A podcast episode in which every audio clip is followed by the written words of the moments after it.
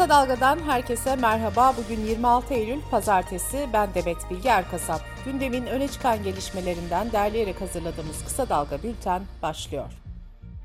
Halkların Demokratik Partisi, Emek Partisi, Türkiye İşçi Partisi, Toplumsal Özgürlük Partisi, Sosyalist Meclisler Federasyonu ve Emekçi Hareket Partisi'nin bir araya gelerek oluşturduğu Emek ve Özgürlük İttifakı kuruluşunu cumartesi günü ilan etti. Kuruluş deklarasyonunda şöyle denildi.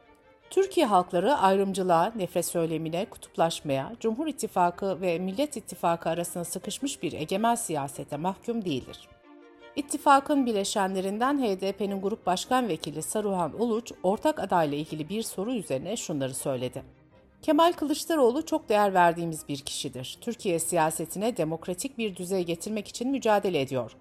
Aday olup olmayacağı altılı masanın kararıdır. Biz hem Kılıçdaroğlu'na saygısızlık yapmak istemeyiz hem de altılı masaya isim dayatmak istemeyiz.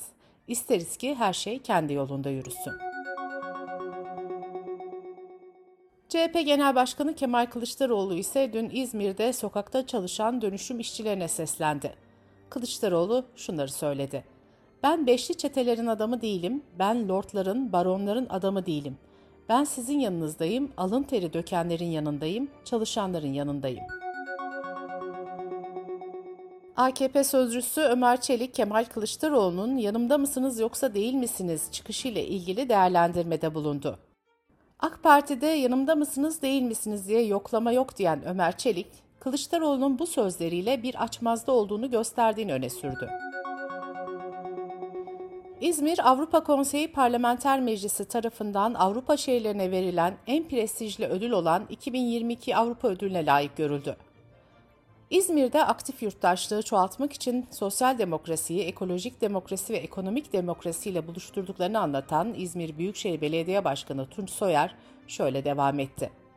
İzmir'de ekonomik, sosyal ve ekolojik demokrasiden oluşan yeni bir demokrasi anlayışı ortaya koyuyoruz ve bunu yerelden inşa ediyoruz. Son zamanlarda çok sık gündeme gelen ev sahibi kiracı tartışmalarında ilginç bir örnek İstanbul Pendik'te yaşandı.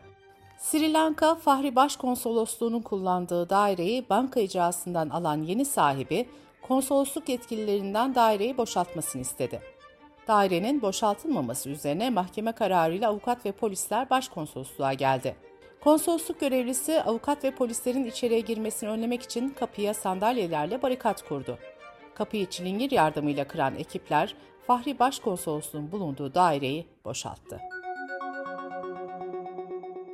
Türk Eczacıları Birliği 25 Eylül Dünya Eczacılar Günü'nde açıklama yaptı. Açıklamada mesleğimize hak ettiği değerin verilmediği, varlık yokluk mücadelesi verdiğimiz bir dönemde Dünya Eczacılar Günü'nü bir bayram havasında geçirmek yerine buruk şekilde kutluyoruz denildi. Açıklamada ayrıca 16 Ekim'de Büyük Eczacı mitinginin duyurusu da yapıldı. Kısa Dalga Bülten'de sırada ekonomi haberleri var. Ulaştırma ve Altyapı Bakanı Adil Kara İsmailoğlu, Kanal İstanbul'un maliyetini 15 milyar dolar olarak hesapladıklarını ancak bu tutarın 20 milyar doları bulacağını söyledi. Sabah gazetesi yazarı Dilek Güngör'e konuşan Kara İsmailoğlu şu ifadeleri kullandı. Kanal İstanbul'da Sazlıdere Köprüsü'nün yapımına başlandı. Yollar ve tren hatları yapılıyor.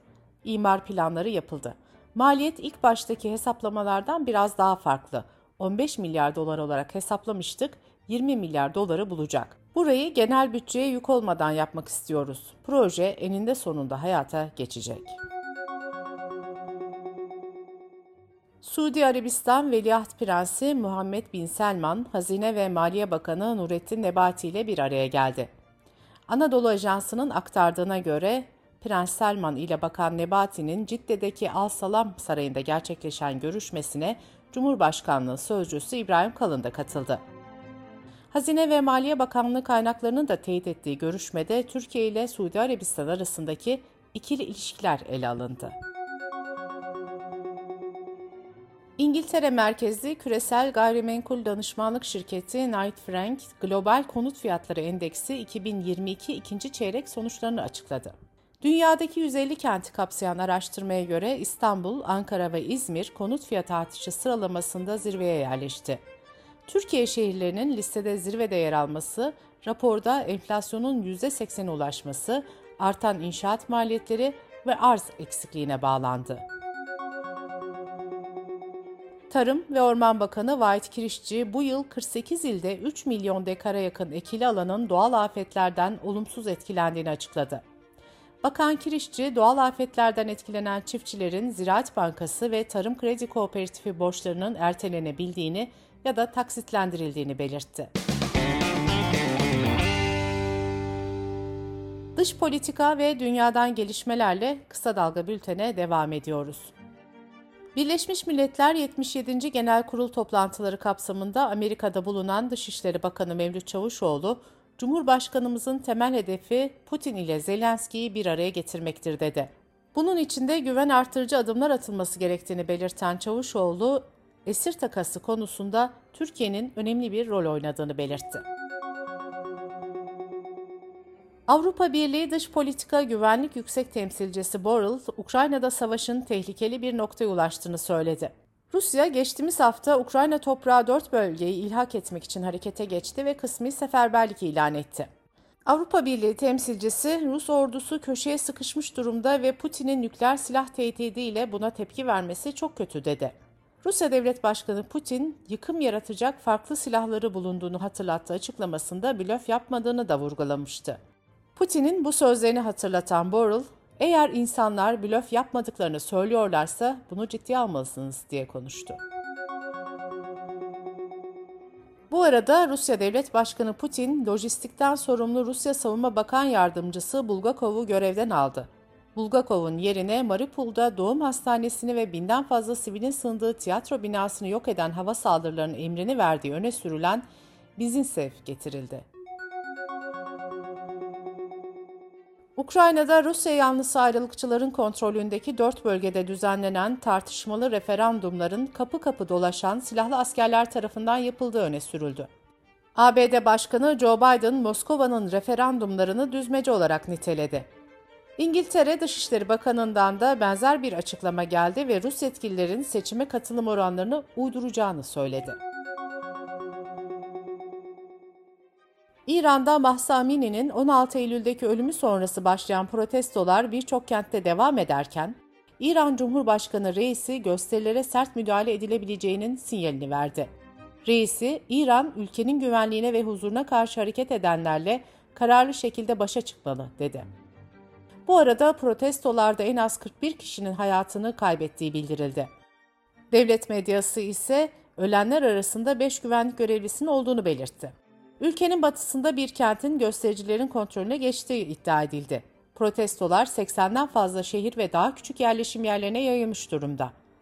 Bu arada İran İçişleri Bakanı ise Cuma günü yaptığı açıklamada Amini'nin dövülmediği iddiasını tekrarladı.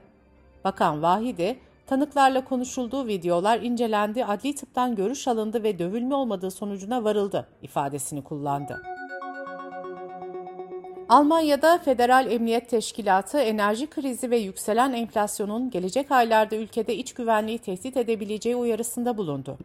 Kurum içi bir yazışmada enerji krizi ve yüksek enflasyon nedeniyle gelecek aylarda protestolar benzeri bir durumun ortaya çıkabileceği ifade edildi. Ukrayna'ya savaş açan Rusya'nın AB'nin yaptırımları sonrası Almanya'ya doğal gaz sevkiyatını kesmesi, ülkede enerji fiyatlarının faiz seviyelere yükselmesine yol açmıştı. Enerji ve gıda fiyatlarındaki artışlar Almanya'da enflasyonu iki Almanya'nın birleştiği 1990 yılından bu yanaki en yüksek seviyeye çekti. Almanya'da Ağustos ayında yıllık enflasyon %7.9 olarak açıklanmıştı. Ancak kış aylarında enflasyonun iki haneli sayılara ulaşması bekleniyor. ABD'nin Dış İstihbarat Servisi CIA, kuruluşla ilgili yanlış anlamalara son vermek amacıyla bir podcast serisi başlattı. Kurumun direktörü William Burns şunları söyledi. Çoğu kişi CIA'yı şatafatlı bir dünya zannediyor. Ajanların hızlı arabalar kullanan, bombaları etkisiz hale getiren ve tek başına küresel krizleri çözen kahramanlardan oluştuğunu düşünüyor. William Burns bu ifadeleri kullandıktan sonra Hollywood yapımlarındaki tasvirlerin gerçekçi olmadığını da vurguladı. Kanada'nın Atlantik Okyanusu kıyılarındaki eyaletlerinde Fiona fırtınası hayatı olumsuz etkiliyor. kıyılardaki bazı evlerin denize sürüklendiği bildirildi. Filipinler ise Noru süper tayfununa hazırlanmak için kıyı bölgelerinde tahliyelere başladı. Florida valisi ise o hal ilan ederek kategori 4 şiddetine ulaşması beklenen yan fırtınası için hazırlıklara başlandığını duyurdu. ABD Havacılık ve Uzay Ajansı NASA, Ay'a dönüş projesi kapsamında test uçuşuna hazırlanırken Florida ve Küba'ya yaklaşan tropik fırtına nedeniyle uçuş denemesini üçüncü kez iptal etti. Uçuş daha önce de teknik arıza nedeniyle iptal edilmişti. Bültenimizi kısa dalgadan bir öneriyle bitiriyoruz. Gazeteci İbrahim Ekinci her pazartesi marjinal faydada bir haftanın ekonomik panoramasını çıkarıyor. Merkez Bankası'nın faiz indirim kararını değerlendiren Ekinci, enflasyonla mücadele tamamen terk edilmiş durumda diyor. İbrahim Ekinci'nin hazırladığı marjinal faydayı kısa dalga.net adresimizden ve podcast platformlarından dinleyebilirsiniz. Gözünüz kulağınız bizde olsun. Kısa Dalga Medya.